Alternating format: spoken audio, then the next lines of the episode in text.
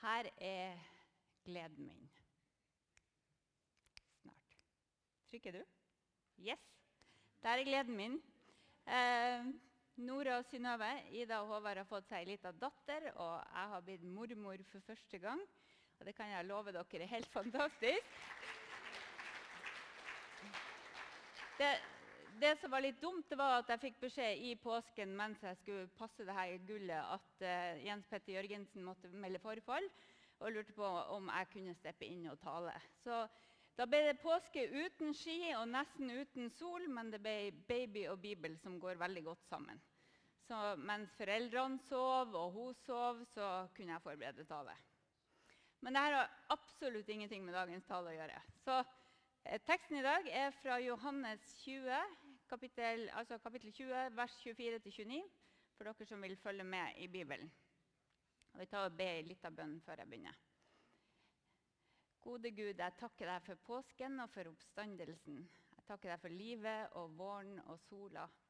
Jeg takker deg for alle ungene som er her framme, og ber om at du velsigner Noah og den gudstjenesten de har.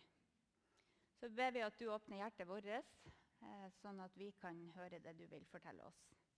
Amen. Det jeg har planlagt for den neste halvtimen, det er en gjennomgang av historien om Thomas og Jesus. Eh, tenkte, tenkte å gjøre sånn som sist og dele det i to. Først snakker jeg om teksten. Hva kan vi lære om teksten, og så hva kan vi lære av teksten. Om teksten og av teksten. Så kommer teksten på veggen, og jeg skal lese den i sammenheng. Overskrifta er 'Thomas'. Thomas en av de tolv, han som ble kalt Tvillingen, var ikke sammen med de andre disiplene da Jesus kom. Vi har sett Herren, sa de til ham, men han sa, dersom jeg ikke får se nagelmerkene i hendene hans og får legge fingeren i dem og stikke hånda i sida hans, så kan jeg ikke tro. Åtte dager senere var disiplene igjen samla, og Thomas var sammen med dem. Da kom Jesus mens dørene var lukka. Han sto midt iblant dem og sa, Fred være med dere. Så sier han til Thomas, kom med fingeren din, og se, her er hendene mine. Kom med hånda di og stikk den i sida mi, og vær ikke vantro, men tru. Min Herre og min Gud, sa Thomas. Jesus sier til ham, fordi du har sett meg, tror du. Salig er de som ikke ser, men likevel tror. Og så tar eh, forfatteren Johannes, og så sier han at Jesus gjorde også mange andre tegn for øynene på disiplene, tegn som det ikke er skrevet om i denne boka. Men de her er skrevet ned for at dere skal tro at Jesus er Messias, Guds sønn, og for at dere ved trua skal ha liv i hans navn. Denne fortellinga den finner altså sted i Jerusalem søndag ei uke etter påske. Altså akkurat dagen i dag. Hva vet vi om Thomas? Eh, som Ingebjørg sa, Han blir ofte kalt for tvileren Thomas. Men kanskje en bedre beskrivelse ville vært skeptikeren Thomas. For han stolte ikke blindt på andre. Han tok ikke nødvendigvis det de sa, for god fisk. Men han ville gjøre sine egne erfaringer og trekke sine egne konklusjoner. Og det syns jo jeg synes, høres ganske bra ut. Det kan være sunt å gjøre det. Jeg ville heller kalt han for uheldige Thomas. For han gikk jo glipp av noe stort på påskedagen når de andre var samla. Det ble ei hel uke til han fikk lov å møte Jesus. Og det er lenge, det. Spesielt hvis du tror at noen er død. Hele livet sånn som han kjente det, var over. Eh, nå vet du ikke så veldig mye om Thomas, annet enn at han var en av de tolv disiplene, og at han har fulgt Jesus i tre år. Vi vet at han var fisker, sånn som antagelig faren og farfaren og oldefaren før han. Eh, men han hadde møtt Jesus tre år tidligere, og det hadde forandra livet hans. Og Thomas hadde satsa alt på å følge Jesus. Han hadde sett de mest fantastiske under, og han har hørt noen av de rareste lignelsene. For ei tid det har vært. I Bibelen så nevnes Thomas ofte sammen med de andre disiplene, men det er tre ganger han nevnes spesifikt. Og Det er i dagens tekst, og så er det i to andre, der Thomas stiller spørsmål eller kommenterer det Jesus eh, gjør eller sier. Og jeg må si at jeg liker det lille jeg vet om Thomas. For han tenker, og han spør. Skal jeg gi dere et eksempel fra Johannes 14. Eh, Dette er fra skjærtorsdag. Eh, de hadde spist påskemåltid sammen, Jesus og disiplene. Og så hadde Jesus vaska føttene til disiplene, noe som i seg sjøl var helt uhørt. Så det var en ganske merkelig stemning i rommet. Og så begynner Jesus å snakke om at han skal forlate dem. Og Da står det i Johannes 14. Eh, og når jeg har gått bort og gjort i stand et sted for dere, vil jeg komme tilbake og ta dere til meg. Så kan dere være der jeg er. Og dit jeg går, vet dere veien. Jeg er ganske sikker på at det var vanskelig å forstå for de som hørte på. Men det er Thomas som setter ord på problemet og sier det rett ut. Han sier, 'Herre, vi vet ikke hvor du går hen. Hvordan kan vi da vite veien?' Så Thomas stiller spørsmål, og så får han svar. Men jeg tipper han stilte mange flere spørsmål, for svarene til Jesus er litt sånn at eh, de inviterer til nye spørsmål. Det var ikke så lett å få tak i meninga. Så i alle de tre episodene med Thomas de finner vi i Johannesevangeliet. Altså i det ene av de fire evangeliene. Og det er interessant i seg sjøl. For vi vet at Johannes var veldig nøye når han valgte ut historiene som han forteller. Eh, de som kan mye mer om Johannesevangeliet enn jeg kan, de sier at de andre evangeliene, altså Matteus, Markus og Lukas, de var allerede kjent. Så folk hadde hørt historiene om Jesus. Eh, sånn at når, når, når, Johannes skulle velge, så tok han faktisk bare fortellinga fra 21 eller kanskje 22 dager av Jesus' sitt liv. Så Man antok at man visste, hadde kjent de her historiene, og så velger han 21. Og Johannes sier det sjøl i, i, dagens tekst. Han sier at Jesus gjorde også mange andre tegn og under, eh, andre tegn for øynene på disiplene. Og så sier han men de her er skrevet ned for at dere skal tro at Jesus er Messias, Guds sønn, og for at dere ved trua skal ha liv i hans navn. Så Johannes skriver ikke noe biografi om Jesus. Eksperter på Johannesevangeliet sier at vi kan tenke på det som et skuespill der hver historie er som ei akt. Så når teppet går igjen etter første akt, så kan du sitte og tenke hva har jeg sett nå, og hva betyr det? Og så åpner det seg for neste akt, hva, og så lukker det seg, og så kan du tenke hva har jeg lært nå?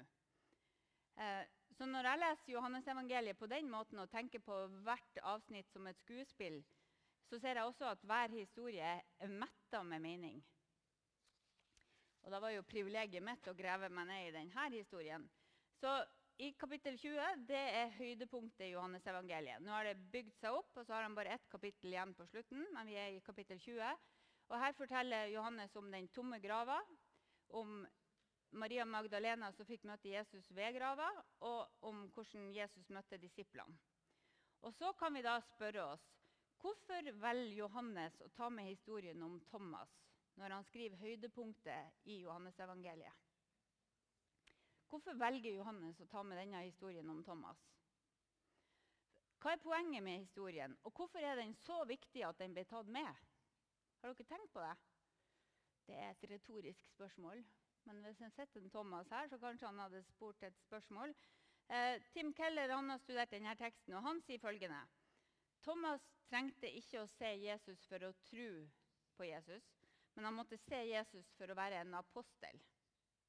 Thomas måtte se Jesus for å være en apostel. Og Siden Thomas gikk glipp av møtet med, med Jesus uka før på påskedagen For det møtet var veldig viktig. Hva, hva, skjedde da? Jo, Da ble de andre disiplene sendt ut som apostler. Og Apostel ifølge Wikipedia så betyr det utsending. Ordet innebærer at man er sendt ut med fullmakt og opptrer med autoritet på vegne av den som har sendt en. Og så skal vi lese eh, fra vers 19 det som skjedde på første påskedag, eh, der Thomas ikke var til stede. Fra vers 19. Det var om kvelden samme dag, den første dag i uka. Av frykt for jødene hadde disiplene stengt døren der de var samla. Da kom Jesus. Han sto midt iblant dem og sa, 'Fred være med dere.' Og Da han hadde sagt det, viste han dem sine hender og sin side. Disiplene ble glad da de så Herren. Igjen sa Jesus til dem, 'Fred være med dere.' Som Far har sendt meg, sender jeg dere. Så ånda han på dem og sa, 'Ta imot Den hellige ånd'. Så I dette møtet blir disiplene utrusta med Hellig ånd. Eh, og Det ordet som brukes her for Hellig ånd, det er det samme ordet som brukes når Gud puster liv i Adam i skapelsen. Det syns jeg er en litt interessant detalj. Eh, så Disiplene får Jesu ånd, de får kraft og liv fra Jesus. Og så blir de sendt for å dele evangeliet. Og Jesus sier det, sier det veldig tydelig. Som far har sendt meg, sender jeg dere. Dette er Johannes evangeliet sin versjon av misjonsbefalinga. Og Det var et veldig viktig øyeblikk for disiplene. Og Thomas var av en eller annen grunn ikke til stede.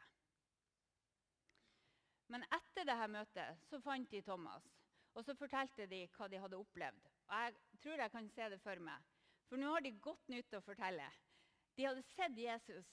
'Thomas, du skulle vært der. Han kom, og vi hadde låst døra. Ja, vi hadde sjekka mange ganger. Den var låst. Og han kom, og plutselig så sto han der. 'Thomas, vi har sett Jesus.' Hører du? Men Thomas var skeptisk, sånn som han brukte å være. Han var veldig skeptisk. Han trodde sikkert at de hadde sett en eller annen, noen som hadde gitt seg ut for å være Jesus, men han trodde ikke at det var Jesus. Kanskje han tenkte at de ti andre var, var naive, og at sorgen hadde overmanna dem, og at de så ting i, i, i drømmer eller i syner. For det her var for utrolig. Oppstått ja, det var helt umulig. Og Da må vi huske at ingen forventa en oppstandelse, selv om Jesus hadde antyda det flere ganger. De forventa ikke en oppstandelse. Ikke de damene som gikk til grava, for de hadde med seg det som skulle til for å stelle et lik. Ikke disiplene som gjemte seg bak låste dører fordi de var redd for at de skulle bli tatt som neste. Døde mennesker sto ikke opp det var logisk å være skeptisk. Men så kommer Jesus tilbake søndagen etterpå. Åtte dager står det. Eh, og Det er Bibelens uttrykk for ei uke. For De møtes på den første dagen i uka, og så møtes de på den åttende dagen i uka. Som da er første dag i neste uke. Um, og nå får Thomas se Jesus. Han får se, og han tror. Og han får samme oppdrag og samme autoritet som de andre. Han kunne trodd på Jesus uten å se det, men han kunne ikke være en apostel uten å være øyenvitne til oppstandelsen. Johannes skriver så nøye for å vise at disiplene som da blir sendt ut som apostler, de fikk spesialbehandling. Fra flere andre bøker i Bibelen så vet vi at de 40 dagene etter oppstandelsen så viste Jesus seg for disiplene mange ganger. Sånn at når de ble apostler, så var de blitt overbevist om at Jesus hadde stått opp. Alle som én. Thomas også. Og jeg synes at Det at Thomas var skeptisk, men ble overbevist, eh, det viser jo at dette var jo ikke bare en gjeng med naive disipler som forvirra og sorg så Jesus i syna. Nei, de møtte faktisk Jesus på ordentlig. Og så er det ett poeng til her. og det er at Johannes viser oss evangeliets natur her. Han, han, når han velger det som høydepunkt. For hvis dere tenker dere om, så kunne jo Thomas han kunne fortelle om hvor stor lærer Jesus var. Han kunne fortelle hvor mye visdom han hadde, han kunne fortelle om helbredelser. Men det var oppstandelsen som det var viktig at han var vitne til. Så evangeliet om Jesus handler ikke om at han var en stor lærer. Det handler om at han sto opp igjen. Han seira over døden. Det er en historisk hendelse som skjedde på et gitt sted. Vi vet det var Jerusalem, og det skjedde i ca. år 33 i vår tidsregning. Det var den hendelsen som forandra verden. Og Når Johannes skriver brev senere, i 1. Johannes brev 1.1, så skriver han det som var fra, fra, begynnelsen, det vi har hørt, det vi har sett med egne øyne, det vi så og som hendene våre tok på Ser dere? Det vi så og som hendene våre tok på, det forkynner vi. Livets ord. Livets ord er Jesus. Eh, han de så, han de tok på. Og Evangeliet er at Gud har kommet inn i historien som et menneske, har overvunnet døden, og han gir nå liv og håp og frelse og fred til alle som søker han. Det gjelder deg, og det gjelder meg. selv om Thomas blir eh, kalt for tvileren Thomas, så er det egentlig trua til Thomas som blir så tydelig i denne fortellinga. For når, sier, når, Jesus sier 'kom med fingeren din', og 'her er hendene mine', 'kom med hånda og stikk den i sida', 'vær ikke vantru, men tru', så sier Johannes 'min Herre og min Gud'. Min Herre og min Gud. Dette er den sterkeste bekjennelsen av tru i hele Johannes-evangeliet. Så Thomas får se at Jesus er sentrum og herre i hele universet, og samtidig er det personlig. Det var min Herre, min Gud. Og I neste vers så sier Jesus, 'Fordi du har sett meg, tror du.' Salig er de som ikke ser, men likevel tror. Dette kan virke som en liten irettesettelse eller kritikk av Thomas. Men jeg tror at Johannes skrev dette verset til oss. Til oss som har hørt vitnene, som har hørt de som gikk foran oss. Altså, Vi skal være velsigna hvis vi tror det de fortalte. Så vi kan bygge vår tro på de overbeviste vitnene. Og For meg er det ganske viktig eh, at vi skal få lov å, å bygge trua på noen som var helt overbevist det, om at de så det de så. Men først eh, en ting til. Når vi skal lære en bibeltekst, så har vi lov å stille spørsmål. Det er faktisk den beste måten å lære. Og Da kan man spørre om det vi vet vi kommer til å finne svar på. Men det er òg lov å spørre om ting vi kunne bare tenke oss å finne svar på. Så det var ett spørsmål jeg funderte på i påsken. Når jeg så påsken med Thomas sine øyne, så tenkte jeg på hvorfor i all verden var ikke han der på første påskedag? Hvorfor var ikke Thomas der når han kom? Kunne ha snudd på det og sagt hvorfor kom Jesus når ikke Thomas var der? Det er jo et annet spørsmål. Det kan jo hende at han var ute en tur. Eh, og det kan hende at han var, tenkte at det er for farlig å være i lag med de andre. For hvis, eh, hvis jødene kommer, så tar de oss alle samtidig. Og det er jo dumt. Men kanskje går det enda litt dypere. Kanskje var, det sånn at, eh, kanskje var Thomas litt sånn som noen av oss er, at vi trekker oss unna når livet blir vanskelig. For noen av oss er det naturlig å sørge alene. Det er ikke nødvendigvis det beste for oss, men det er sånn vi reagerer. Vi trekker oss unna. Jeg bruker å gjøre det. Så jeg må jobbe for å fortelle folk at nå har jeg det vanskelig. For ellers så trekker jeg meg unna. Jeg vet jo ikke om Thomas hadde det sånn, men for ei uke han hadde hatt. Uka hadde starta ganske bra med at Jesus rei inn i Jerusalem og ble hylla som konge. Det fikk ikke hjelpe at han rei på et esel, men han var i hvert fall hylla som konge. Eh, og påskemåltidet på torsdag det var fint, men etter det gikk det nedover og nedover. I Getsemane så kom soldatene for å ta Jesus. Ja, ikke nok med det, det var Judas, kameraten deres, som hadde forrådt og sladra. Og Jesus han ga seg uten kamp, selv om Peter prøvde seg med sverdet og skulle ta, liksom markere litt makt. Han, ble, han lot seg føre bort uten motstand. Så ble han håna, spytta på, torturert, dømt i en parodi av en rettssak og tvunget til å bære korset som han skulle spikres opp på. Disiplene hadde reagert forskjellig. Peter hadde svikta totalt, og det var både skuffende og skremmende. Nå var alle sammen redd, for korsfestelse var den mest grusomme måten å dø på. Så Vi vet ikke akkurat hva Thomas gjorde de her siste dagene, men han må ha sett Jesus dø. Alt han hadde satsa livet på, var ødelagt.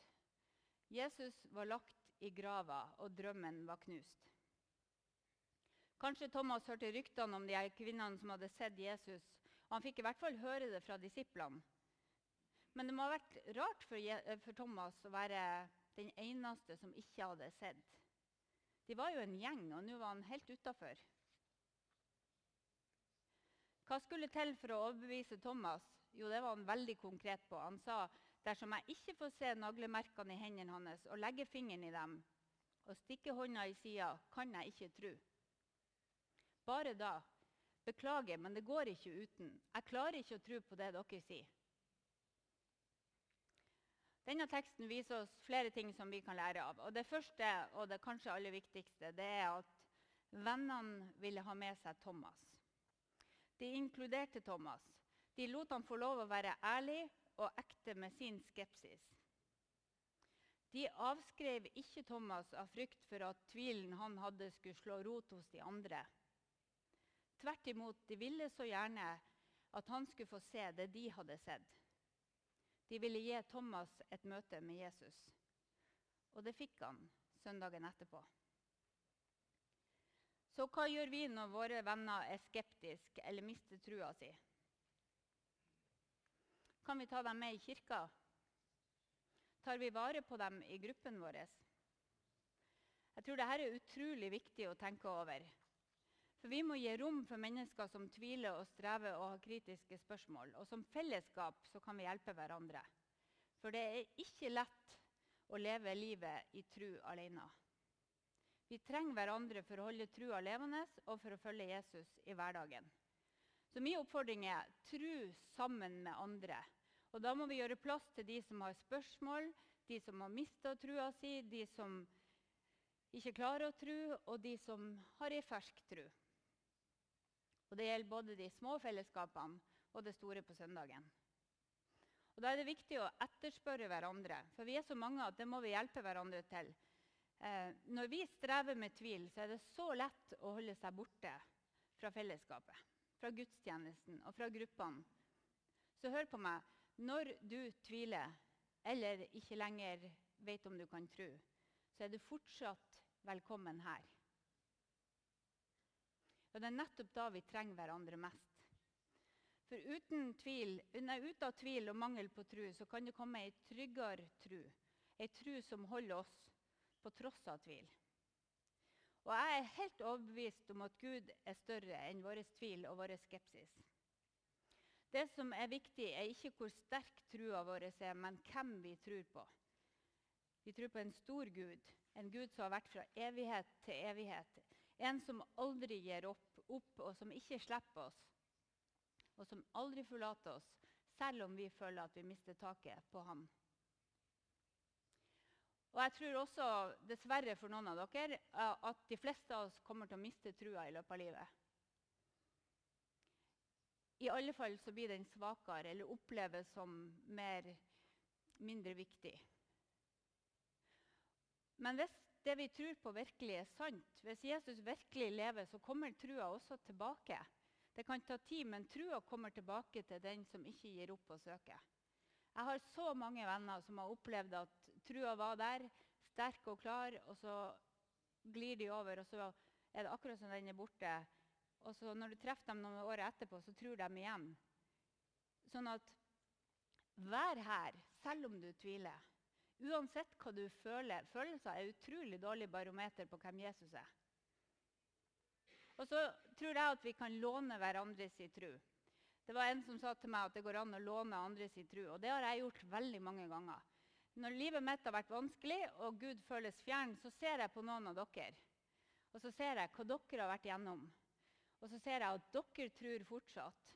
Og så er det sånn at Hvis du holder fast på trua, så kan jeg holde fast i deg inntil trua mi blir sånn at jeg kan gå på egne bein igjen. For i luthersk tradisjon særlig så er det sammen vi kommer fram til Gud.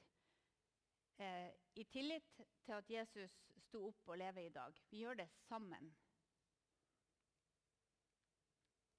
Tom Arne Møllebråten fra Sagavoll folkehøgskole er lærer der. Han besøkte Input i fjor og holdt en strålende tale som ligger på podkast. Men han har også skrevet en artikkel som heter 'De som ikke tror nok'. Jeg skal lese et lite utdrag fra den. Han sier det problematiske med uttrykk som 'sterk tru' er at det fort sentrerer seg om i hvilken grad man er overbevist, altså følelsen av overbevisning. Trua blir en prestasjon, og den blir selvsentrert. Ofte kombineres sånne tanker med en forestilling om at ei tru uten tvil er sterk, og at ei tvilende tru er svak. Jeg er overbevist om at dette er feil, sier han. Ei tru som kan leve med sin tvil, er nok mer rusta til å tåle noen kamper enn den trua som må anstrenge seg for å holde tvilen på avstand. Og Videre skriver han mange tvilere får inntrykk av at de bør være forsiktige med å gi uttrykk for sine tanker og spørsmål, fordi det, det er ikke ønskelig å slippe det til. Derfor går mange rundt i den tro at de andre har så mye sterkere tro enn dem sjøl. Men de får aldri justert dette bildet om hvordan, hvordan folk faktisk har det. Tvil blir sett på som en trussel mot trua, men kanskje åpenhet og ærlighet om tvil ville gjort kristne tryggere i sin tro. Sier Tom Arne Møllebråten. Og jeg er så veldig, veldig enig. Kanskje åpenhet og ærlighet om tvil ville gjort kristne tryggere i sin tro. Vi ønsker å være ei sånn menighet som snakker ærlig om tro, og som forsøker å ta spørsmålene på alvor, sånn at vi kan formidle ei tro som tåler livet. Ei tro som er forenlig med liv. Og jeg tror Det er så viktig å snakke sant om livet når vi skal snakke om tro til folk som ikke kjenner Jesus. For vi må ta vekk de her unødvendige hindringene, sånn at de ser at vi har integrert livet og trua på en troverdig måte. Men så er vi jo forskjellige, og Gud møter oss på forskjellig vis. Eh, vi, sånn, vi, kan kalle det åndelige veier, altså måter vi kommer i kontakt med Gud på. Eh, noen av dere har hørt eh, Helge undervise om det her før. Det finnes også bøker om det. Eh, jeg skal nevne dem kort. Altså, ulike veier til Gud, eller opplevelser av kontakt med Gud. Den første som står på denne, det lysarket, det er de kontemplative. Det er de som, eh, Noen av oss møter Gud i ettertanke, stillhet og bønn. Hvis det er deg, så kanskje du trives å reise på retreat. Kanskje du liker tidebønner eller andre repeterende bønner. Eh, du liker å være stille, og du, har, du, klarer å være det. Noen av oss møter Gud i fellesskapet. For dem er ikke podkast nok. Det kalles den relasjonelle veien. Dere trenger folk rundt dere. Og det er dere som liker å helse folk med Guds fred før nadverden. Det er dere som er relasjonelle. Dere setter pris på de andre og møter Gud i blikkene til de andre. Og så er det noen som møter Gud i tilbedelsen framfor alt. De liker å synge lovsanger og tar gjerne en til. Eh, og så har du de som har den mer intellektuelle veien til Gud, som liker å lære å reflektere. For dere er talen viktig, og noen av dere sitter hjemme i sola og skal høre podkast. Eh, noen møter Gud når de tjener, når de har en oppgave, når de gjør noe praktisk. Og hvis dere hadde vært her før gudstjenesten begynte, så ville dere sett mange av de som har tjeneste som sin vei til Gud. Eh, for de er villige til å tjene, og de opplever at Gud bruker dem, og at Gud er nær. Men det kan også være sånn at eh, jeg vet ikke om dere har lagt merke til, Vi har bønnevandring i gudstjenesten der du kan skrive bønnelapper. Det er også veldig meningsfullt for de som har denne eh, veien til Gud. At hvis jeg bare gjør noe, tjener Gud, tjener noen andre. Og Den siste veien som jeg skal nevne, det er den her med se, skapelse og skjønnhet. Noen av dere møter Gud i naturen, i skapelsen, i det som er vakkert, i kunst, musikk, dans og dikt. Det kunstneriske kan bli veldig sterkt for dere. Og Vi ønsker å skape rom for alle disse veiene i vår gudstjeneste og i vår menighet. Vi kan ikke gi like mye til hver enkelt hver søndag, men vi ønsker at du skal få møte Gud i gudstjenesten. Og Hvis du opplever at trua di domineres veldig av tvil, så kan det være fint å snakke med noen andre om hva som er dine åndelige veier. For det kan hende du har, en, du har helt sikkert en eller to som er, mer, eh, som er viktigere enn de andre. Snakk med noen du har tillit til, om hvordan du kan gi næring til trua di. Og så jeg, skal jeg ta to punkt til her. De er kort, mye kortere. Eh, punkt nummer to vi trenger apostlene sine fortellinger. Hvis Jesus har blitt litt abstrakt eller fjern for deg, så trenger du å lytte til apostlene sine fortellinger. Hvis du vil finne Jesus som kristen eller ikke, så er det fint å være sammen med kristne og høre undervisning og være på gudstjeneste. Men det aller viktigste du kan gjøre, det er å lese Bibelen. Og lese historiene da kommer Jesus til å bli virkelig for deg. Jeg anbefaler at dere alle leser Markusevangeliet jevnlig og ser hva var det som skjedde. Hvem var Jesus? Og les apostelgjerningene som forteller hva apostlene gjorde etter at Jesus hadde dratt opp til himmelen. På den måten kan du la Jesus bli virkelig for deg ved å lese om han og tenke på han. Og Hvis du er en av de som har denne relasjonelle veien til Gud, så gjør det for all del sammen med noen andre Ikke sett deg ned med Bibelen alene, men gjør det sammen med gruppa di eller vennene dine. Siste punkt Jesus kjenner oss. Det lærer vi òg av denne teksten om Thomas. For hvordan vet Jesus nøyaktig hva Thomas trenger? Jeg vet ikke om dere la merke til det. Thomas sa hva han trengte, og når Jesus kom, så brukte Jesus akkurat de samme ordene. Og Da kan det jo hende at disiplene hadde truffet Jesus i mellomtida og sladra og sagt at eh, det her er det Thomas trenger. Kan du fikse det, Jesus? Men det er ikke så veldig sannsynlig. Da hadde sikkert Johannes fortalt om det. Det dette betyr, det er at Jesus han vet hva Thomas trenger. Og Det betyr òg at Jesus vet eh, hva du trenger, også når du ikke ser ham. Eh, Jesus er nær både når vi ser ham, og når vi ikke ser ham.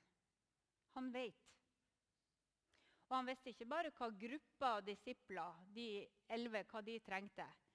Han visste hva Thomas trengte. Han visste at han trengte å se naglemerkene, legge fingeren i dem og stikke hånden i sida. Helt konkret.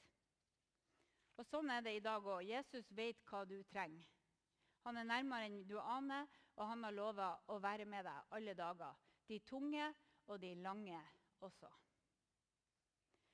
Dette er noe jeg velger å hvile i. Også når bønnesvarene lar vente på seg, sånn som jeg snakka om i forrige tale.